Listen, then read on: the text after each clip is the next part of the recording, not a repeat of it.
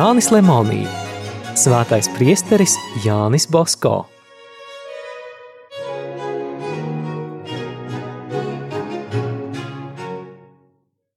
Ceturtā nodaļa – gaišās un tumšās stundas. No 1826. līdz 1831. gadam. Bija pagājušas dažas nedēļas kopš Jānīša pirmā svētās komunijas. Tuvīnajā Butiljēro ciemā notika misijas pāvesta Leona 12. izsludināto jubilējas atlaidu iegūšanai. Bija uzaicināti slaveni sprediķotāji, cilvēki no malu malām plūda turp. Vai gan Jānītis paliktu mājās? Kādu vakaru viņš kopā ar saviem kaimiņiem atgriezās no atlaidām. Kopā ar viņiem gāja arī priesteris Jāzeps Kaloso, kas bija nesen nozīmēts darbā Morialdo draudzē. Priestera uzmanību saistīja mazs sprogains zēns, kas mierīgi mēroja ceļu kopā ar pieaugušajiem. Viņš to pasauca un pajautāja, mazais, no kurienes tu esi? No bekiem. Vai tu arī biji klausīties misijas?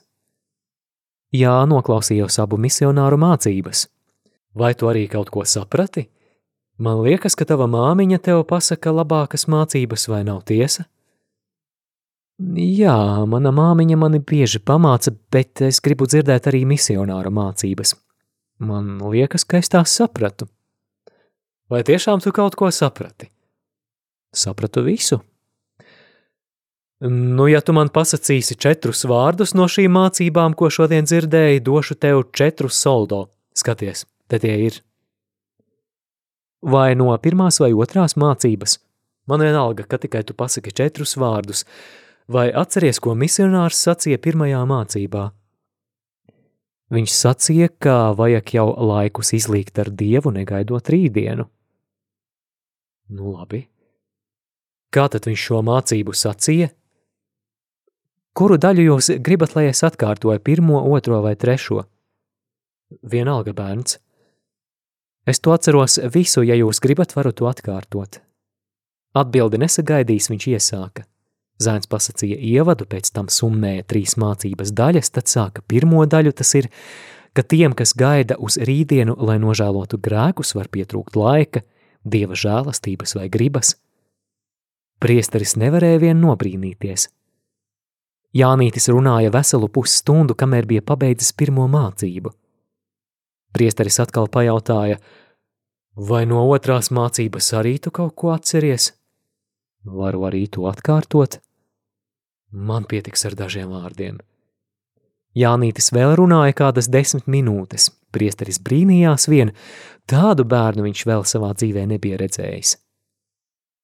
Kā tevi sauc? viņš jautāja. Jānis Basko. Agrā bērnībā es zaudēju tēvu, mana māmiņa ir atraitne. Mēs esam trīs bērni un kopā ar mums dzīvo vecmāmiņa, tētiņa māte. Esmu drusku mācījies lasīt un kaut cik rakstīt. Vai gramatiku esi mācījies? Nezinu, kas tas ir. Vai tu gribētu mācīties? Ļoti, ļoti. Kāpēc tad tu tā gribi mācīties?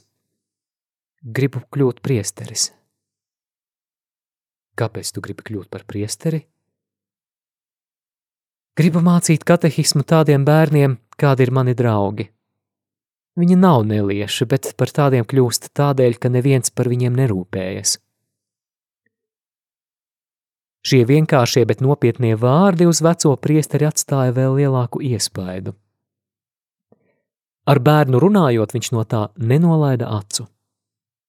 Nonākuši līdz krustcelēm, kur vajadzēja šķirties, abi sirsnīgi atsveicinājās, un priesteris aicināja mazo ceļa biedru nākamajā rītā viņam piekalpot misē. Jānītis aizgāja, kā bija norunāts. Pēc mises priesteris iesauca bērnu kabinetā un palūdza nodiktēt dzirdētās misionāru mācības. Kad viņi bija beiguši, priesteris zēnu atlaida piebilstams – Nebaidies, es parūpēšos par tavu izglītību. Pasaki savai māmiņai, lai viņa svētdienas vakarā atnāk pie manis par to parunāt. Varam iedomāties, cik priecīga bija Margarita, izdzirdusi tādus jaunumus. Svētdienas pievakarē viņa kopā ar Jānīti aizgāja pie priestera Kaloso, un tur tika norunāts, ka Jānītis ikdienas ies uz prāvesta māju mācīties, bet atlikušo dienas daļu kopā ar Antoniju strādās laukā. Liekas, ka tādēļ pat dusmulim nebūtu ko skaisties, bet kur nu? Uzzinājis, ka māte viņu neklausīdama grib mazo par kundziņu padarīt, Antonijs no dusmām vai plīsa – Vienīgi izdzirdis, ka mācības neiesāksies pirms visu svēto dienas, viņš kaut cik uzelpoja. Tomēr arī vēlā rudenī māte vēl nedrīkstēja Jānīti sūtīt mācīties. Priesteris Kaloso, nevarēdams viņu sagaidīt, sabāra māti. Nelaimīgā sieviete taisnojās. Prāvestam bija žēl abu. Viņš nolēma Jānīti pieņemt pavisam. Jānis Bosko bija tādas līdzjūtības vērts. Par labo sirdi viņš atlīdzināja ar paklausību un vaļsirdību. Prāvests zināja ne tikai visus viņa darbus, bet arī visas vēlmes un domas. Tas vēl vairāk iekaroja vecā un žēlsirdīgā priestera sirdi. No tā arī pašam Jānītim bija labums. Viņu pazīdams saprātīgais priesteris varēja prasmīgi virzīt viņa tieksmes un sniegt viņam tādas pamācības, kādas nepieciešamas ar karstu dabu apveltītam pusaudzim. No tā laika raksta priesteris Bosko, es sāku baudīt garīgās dzīves saldumu, jo pirms tam strādāju un izturējos kaut kā mehāniski, kā mašīna, kas pati nezina, ko dara. Oktobra mēneša vidū Jānītis sāka mācīties itāļu valodas gramatiku, bet pēc Ziemassvētkiem arī latīņu valodu. Mācībās viņam sekmējās. Skolotājs nežēloja uzslavas. Ja tu tā turpināsi, tad vīra līsā laikā tu iemācīsies visu, ko tik var iemācīties.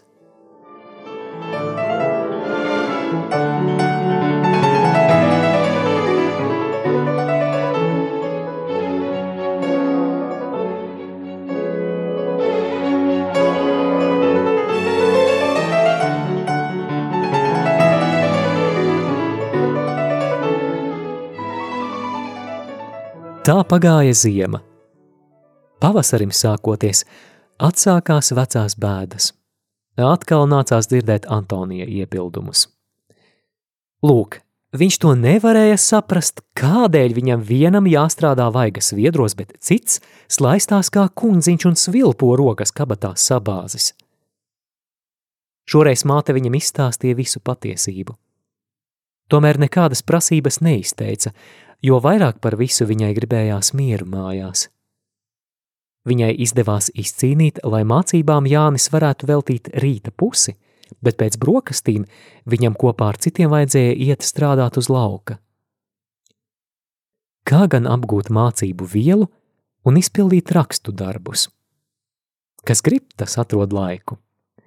Zēns mācījās, iedams un nākdams no skolas – mācījās ēstams pusdienas, launagu un vakariņas, pat naktī. Antonijs vēl ar vien nebija pierunājams. Mājās šad un tad izcēlās strīdi. Mazais ik vienu atpūtas brīdi veltīja mācībām, bet darbus nekavēja. Tomēr Antonijs vainojas skaudības vai prāta akluma, tomēr negribēja ne dzirdēt par gana mācībām. Dažreiz gadījās arī pamatīga sabāršanās. Reiz raksta pats Jānis Bosko. Antonijs pārnāca mājās par kaut ko saīdzis. Atradis istabā māti un brāvi Jāzepu, viņš sāka atkal vīlēt. Diezgan tās gramatikas, es izaugu krietnes vīrs arī bez tām grāmatām. Kāds no tām labums? Tikai samulsina ganus vairāk nekā. Tieši tajā pašā stundā pārnācu mājās no lauka arī es un dzirdēju pēdējos brāļa vārdus. Iedegos un pasacīju to, ko nevajadzēja teikt. Labi, es sacīju, redzi, mūsu ēzelis ir vēl stiprāks par tevi. Arī viņš izauga bez grāmatām. Kā Antonijs pieleca kājās izdzirdis šos rupjos vārdus, ja toreiz izspruka ar veselu ādu par to tikai paldies kājām, kuras man labi kalpoja. Tā man mokoties, turpināja priesteris Bosko, pienāca 1827. gada rudens. Bija 2. oktobra mēneša svētdiena. Morialdo tajā dienā bija diamātes atlaides. Cilvēki baznīcas laukumā meklēja gan ratus, gan draugus, bet, kam bija laiks, tie vēroja čigānus un citus klaidoņus, kas rādīja neredzētas dīvainības. Tikai kāds neliela auguma seminārists stāvēja pie baznīcas durvīm. Kā redzams, viņš pat nedomāja iet mutuļojošajā laukumā. Viņa sejas dievbijīgā izteiksme mani apbūra. Gribēdams viņam tuvoties, piegāju klāt, pasveicināju un uzaicināju. Kundziņ, vai nevēlaties pastaigāties pa mūsu tirgu? Es ļoti labprāt jūs pavadītu un visu, ko parādītu. Viņš paņēma mani pie rokas, izjautāja, cik man gadu, ko protu, vai esmu jau pieņēmis pirmo svēto komuniju, cik bieži eju pie grēksūdzes – kur esmu mācījies katehismu un vēl daudz ko citu.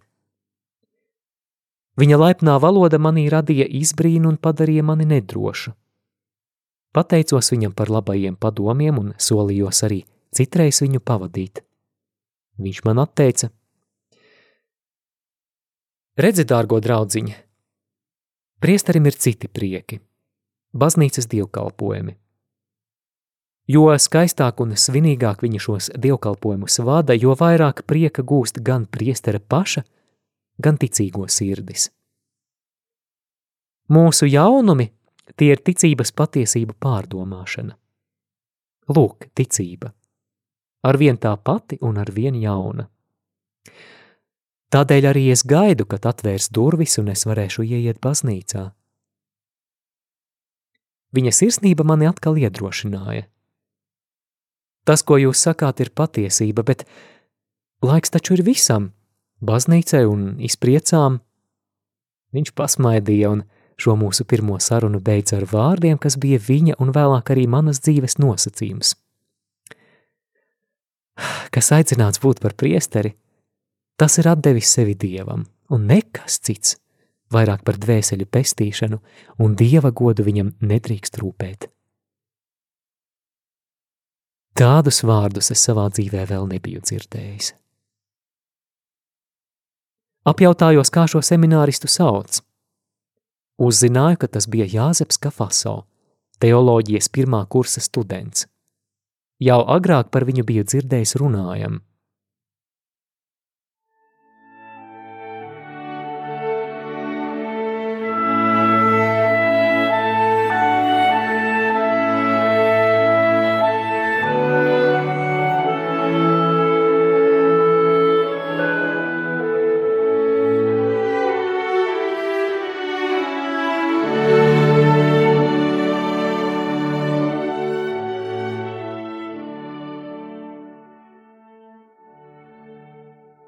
Jānītis atgriezās mājās neparasti līksms. Likās, it kā viņš būtu kaut ko ceļā atradis.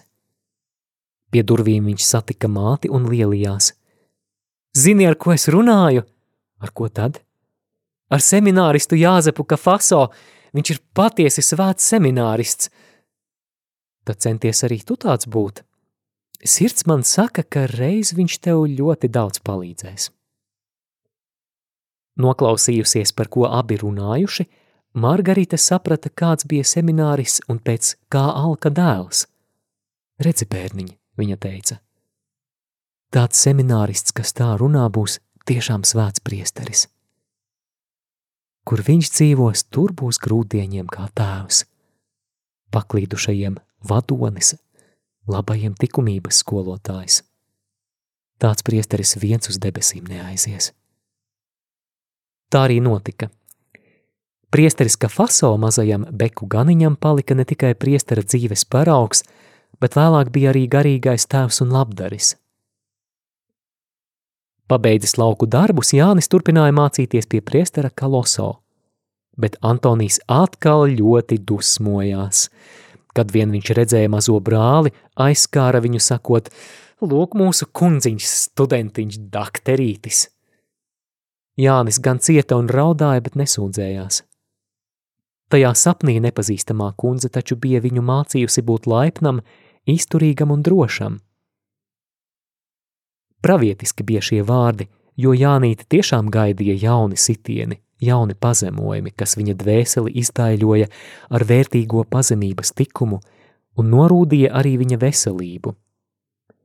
Nebija pagājis 13. mūža gads, kad 1828. gada februārī ar mazu sainīti padusē un dažām priestera kaloso dāvinātām grāmatām kabatā Jānītis gāja uz Moriondo klaudzināt pie zemnieku durvīm un lūgt darbu. Brālis Antonijs vairs negribēja viņu mājās redzēt. Kaut arī ar lielām sirdssāpēm māte sūtīja dēlu pelnīt maizi vaigas viedros, ciest bez mierinājuma, vienam, bez jebkādas palīdzības izcirst sev nākotnes taku. Visur viņš lūdza, lai viņu pieņem par ganu, bet veltīgi. Kad viņš stāstīja savu nelaimi, Visi viņu uzklausīja, bet, kad zēns bija stāstu beidzis, viņam atkal bija jāiet bez panākumiem klauvēt pie kaimiņu durvīm. Nebija vairs tālu līdz vakaram, bet nekā vēl Jānītis nebija atradis. Vienīgā cerība – doties uz Monkuko, kur dzīvoja Molio ģimene. Tur aizgājis viņš dzirdēja, ka šķūnī sarunājas – Piegājis pie durvīm, viņš redzēja visu saimi drāžam klūdziņas, vīnogulāju siešanai. Saimnieks viņam jautāja: Ko tu meklē, bērns? Aloīzu moliju. Es tas esmu, ko vēlies. Mana māte mani sūtīja tev kalpot. Nabaga bērns, pats redzi, ka nevaru tevi algot, pa ziemu es visus algāģus atlaidu, bet Līdz lieldienām mēs parasti nevienu nepieņemam. Ej vien mājās, šajā laikā tu darbu neatradīsi. Jānītis sāka raudāt un lūgt, lai nedzen viņu projām. Viņš nezinot, kur iet, bet mājās atgriezties nevarot. Saimniece iežēlojās un lūdza vīram, lai kaut uz dažām dienām šo grūdīni pieņem. Saimnieka pusmāsai Terēzei, 15 gadus vecai meitenei, bija kauns staigāt govīm pakaļ. Ieraudzījusi noraudājušos zēnu, viņa sāka lūgt, lai viņu laiž strādāt, bet šim bērnam liek ganīt govis. Saimnieks piekrita. Tā Jānītis palika par vienkāršu ganiņu. Saimnieki redzēdami viņa paklausību, izveicību, darbīgumu un dievbijību, par tādu ganu priecājās. Tādēļ bez norunātās algas uzturam un drēbēm Viņi pievienoja vēl 15 liru gadā. Tajos laikos tā bija pieņemama alga. Atceroties šo Jāņa Bosko dzīves posmu, nāk prātā svēto rakstu vārdi: Visgudrais izveda taisnīgo labā ceļā, kad tas bēga no brāļa dusmām, deva viņam atziņu. Bēdās viņu padarīja bagātu, un par viņa darbiem deva bagātīgu atlīdzību. Gudrības grāmata 10.10. 10.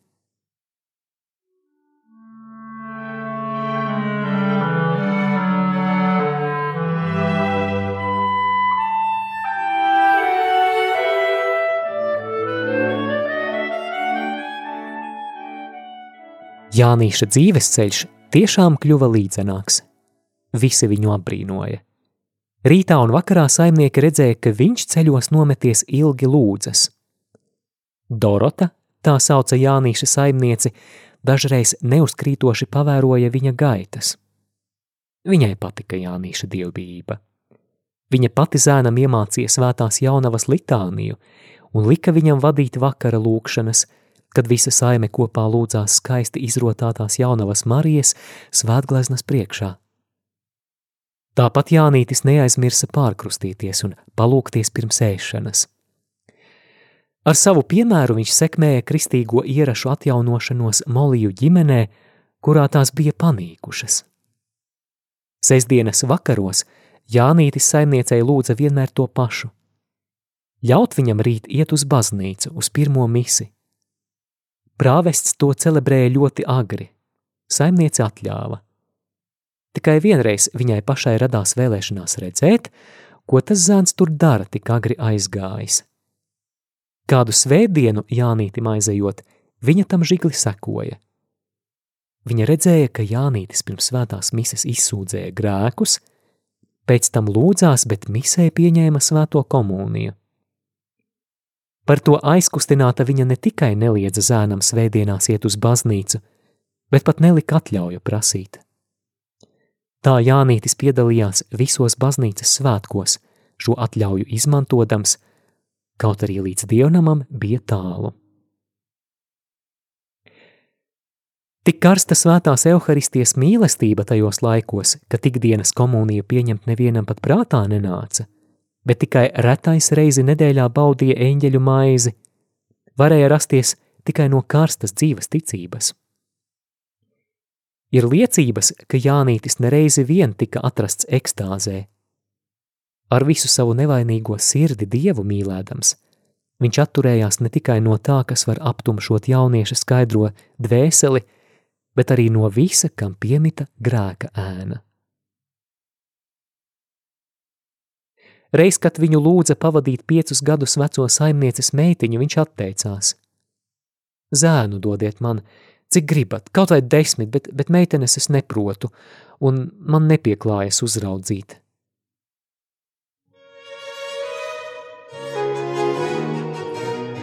Izskanēja lasījums no Jāņa Lemonī grāmatas Svētais priesteris Jānis Bosko.